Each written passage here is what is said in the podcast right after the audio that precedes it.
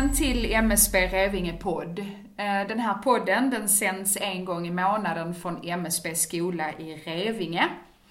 I varje avsnitt så bjuder vi in en gäst som får prata om sitt favoritämne och den här gången kommer temat att vara arbete på höjd. Och med anledning av det så har vi bjudit in Pierre Håkansson och han är ju en av våra lärare här på skolan och han kan faktiskt en hel del om det här med arbete på höjd. Välkommen Pierre! Tack så mycket. Ska vi göra så att du börjar med att presentera dig själv? Ja, kan jag göra. Som sagt, mitt namn är ju Pierre Håkansson då, ja. Eh, jobbar som brandlärare här på skolan, som min huvudsakliga arbetsuppgift. Och utöver det så håller jag på med arbete på höjd. Eh, jag gick själv SMO-utbildningen eh, år 2010 började den och innan det jobbade jag som kock. Och sen efter avslutad SMO-utbildningen så fick jag jobb här på skolan. Mm. Mm. Och du trivs bra? Ja, det gör jag. Mm. Jag trivs jättebra. Eh, Pierre, jag tänkte just det här med arbete på höjd. Eh, varför lär vi ut det till våra studeranden? Ja, det är ju så att eh, om man förväntas utföra arbete där det finns risk för fall över två meter så är man skyldig att på något vis säkra sig. Eh, och därför har ju våra kursdeltagare då kursmål kring det, att vi ska lära dem det. Mm. Mm. Okej. Eh, vilka av våra studeranden är det som får lära sig just det här med arbete på, på höjd? Vilka kurser ingår detta i då? Eller utbildningar?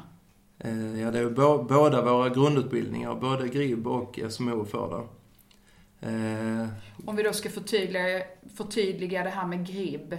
Det är deltidsbrandmännen va? ja, precis. Mm. Eh, och det skiljer sig i omfattning vilken utbildning de får då. Så. Eh, GRIB får ju en väldigt grundläggande utbildning medan SMO får en rätt så fördjupad utbildning i det. Och hur omfattande är den för SMO-studerandena då? Eh, ja, de får ju allt från så att säga att säkra sig själv på tak eh, till att kunna fira sig ner eller repellera sig ner från en vägg eller en klippa och liknande. Men även att genomföra personräddning på höjd eller i personer i svår belägenhet. Mm. Mm. Eh, Medan GRIB får, eh, eh, de har en, en hemuppgift först där de ska på sin lokala räddningstjänst titta vad de har för utrustning och för förmåga i kommunen att, att hantera den typen av händelser. Och sen här på skolan så får de en, en grundläggande utbildning i att säkra sig på tak. Så, det, det skiljer sig ju rätt så mycket där i omfattning. Mm. Mm. Och vad pratar vi om i tid då när det kommer till omfattning? För GRIBs del så har de en, en halvdag här på skolan. Och sen under sin eh, delkurs 1B har de en uppgift då att de ska hemma på räddningstjänsten. Jag vet faktiskt inte omfattningen på den utan eh, de ska spela in någon form av film och lämna in i vad de har för utrustning så att säga. Eh, För SMOs del så har de de har tre pass i termin två. Mm. Och sen har de väl ytterligare kanske en sju, åtta pass i termin tre där de också blir examinerade på det sen efter som avslutning där på, på termin tre så att säga. På kurs sex på SMO-utbildningen. Det är en rätt så stor eh, skillnad kan man ju säga då. Ja det är det verkligen. Mm. Verkligen är det det. Mm. Men just det med personräddningen tar ganska mycket tid att, eh, att utbilda i. Mm. Du Pierre, jag tänkte på det. På, på vilket vis utbildar vi våra studeranden i de här eh, respektive utbildningarna? Eh, ja, som jag sa för Gribs del då, så får de ju... Eh, när, här på plats så går vi igenom den utrustningen vi har. Eh, visar dem den och de får ta på sig och sen så åker vi ut på fältet och så får de praktiskt genomföra några övningsmoment uppe på tak så att säga då. Eh, som är kopplat till eh, räddningstjänst. Eh, till exempel att sätta en dimspik.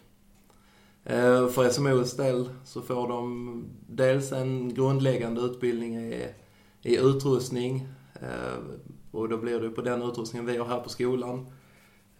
De får en utbildning i vad det finns för regler kring arbete på höjd. Och sen så får de ju ett antal övningstillfällen där vi testar praktiskt alla olika momenten då och sen så avslutas det med en examination. Mm. Pierre Dimspik, vad är det för något? Eh, det är ett verktyg som man har för att eh, kunna spruta in vatten eh, utan att öppna upp så man borrar hål. Eller slår hål med en hammare om det går. Och så kör in en dimspik för att påföra släckmedel utan att behöva öppna upp och tillföra syre till branden. Okej. Du, eh, vilka arbetsuppgifter är det man som brandman kan behöva eh, liksom utföra just som innefattar det här med arbete på höjd? Eh, jag skulle tro att det vanligaste är att man eh, behöver upp på ett tak av någon anledning för brandsläckningssyfte eller brandgasventilation möjligtvis. Men det skulle även kunna vara att man behöver rädda någon som har ramlat från en klippa. Eh, det finns eh, vindkraftverk som är väldigt högt. Om någon skulle skada sig där så är det ett tänkbart eh, scenario att man får larm till. Olika händelser som kan inträffa ute i naturen. Ramla ner i någon skreva eller något liknande så. Mm. Pierre, finns det någon gräns för det här med höjd? Alltså hur högt upp man får jobba som brandman eller finns det någon gräns för det? Eh, nej, inte mig veterligen. Utan eh, det som sätter gränsen är ju hur långa rep man har för att kunna jobba så att säga. Och hur långa rep har vi? Har man då? Eh, det skiljer sig ju. Ja. Utifrån vad man har för riskbild i kommunen så att säga så får man anpassa sin förmåga efter det. Våra rep vi har här på skolan är 25 meter långa så de är inte speciellt mm. långa. Jag vet uppe i Höganäs där jag gick min utbildning i detta så hade de 100 eller 150 meter långa rep där. Så. Mm. Mm. Det var ju lite skillnad. Ja, det är det ja. det. Är De är en sån avancerad räddningsresurs som, som åker på den typen av larm i hela Skåne.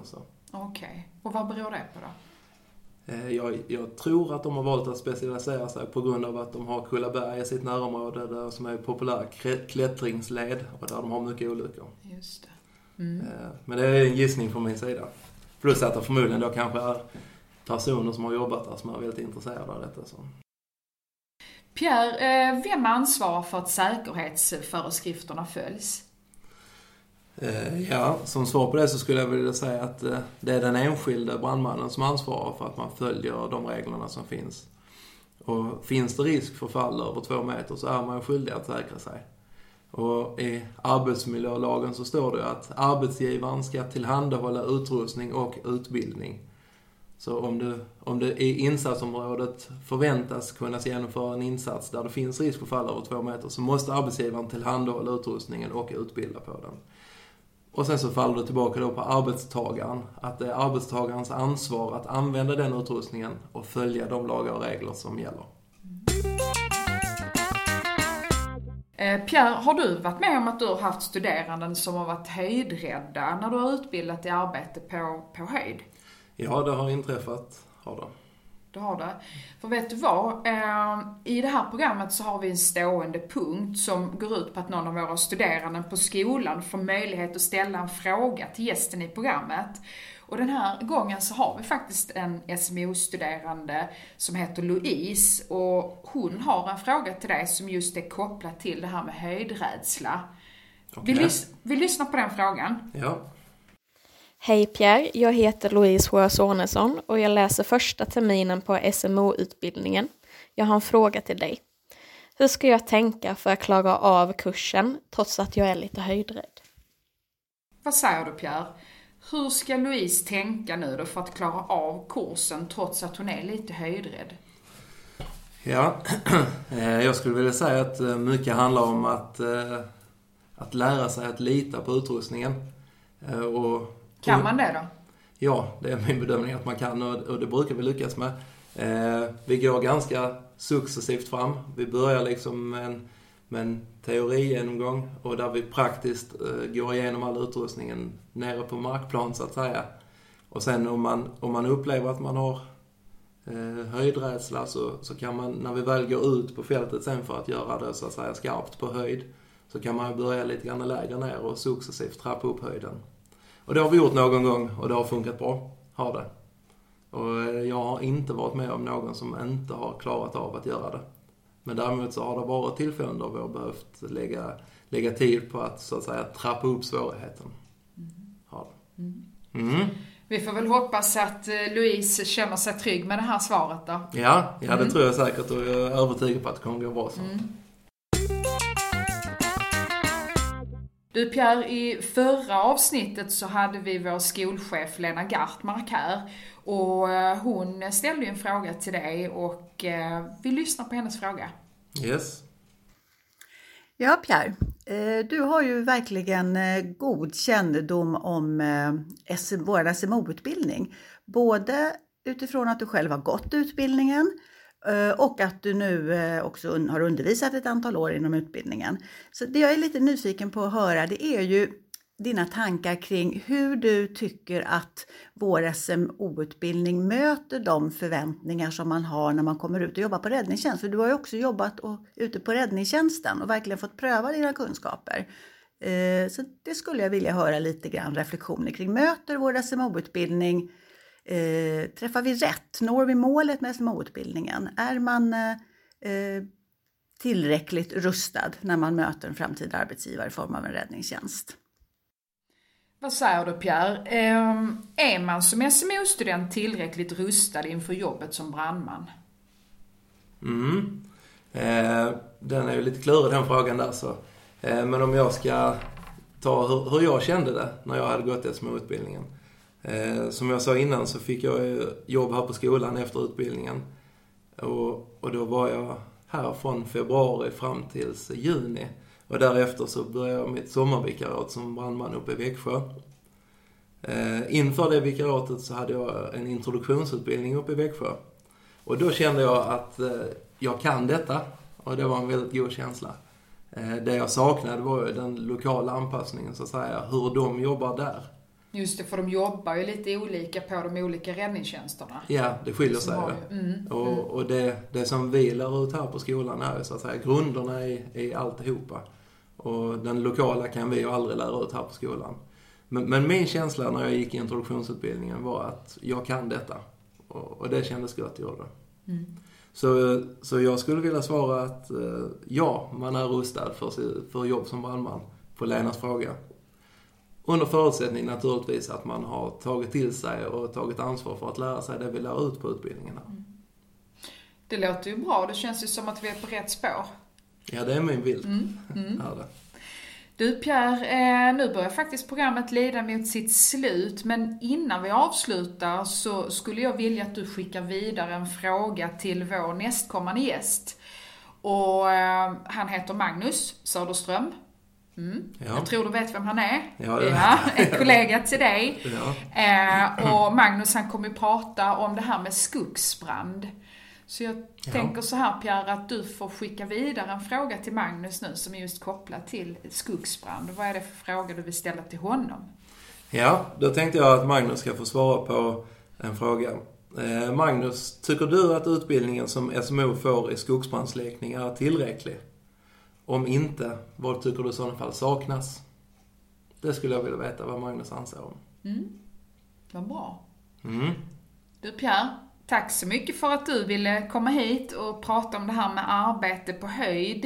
Eh, och nästa gång så kommer som sagt Magnus Söderström hit och pratar om eh, skogsbrand. Och det får du inte missa. Och tack så mycket Pierre. Tack själv. Hej då. Hej då.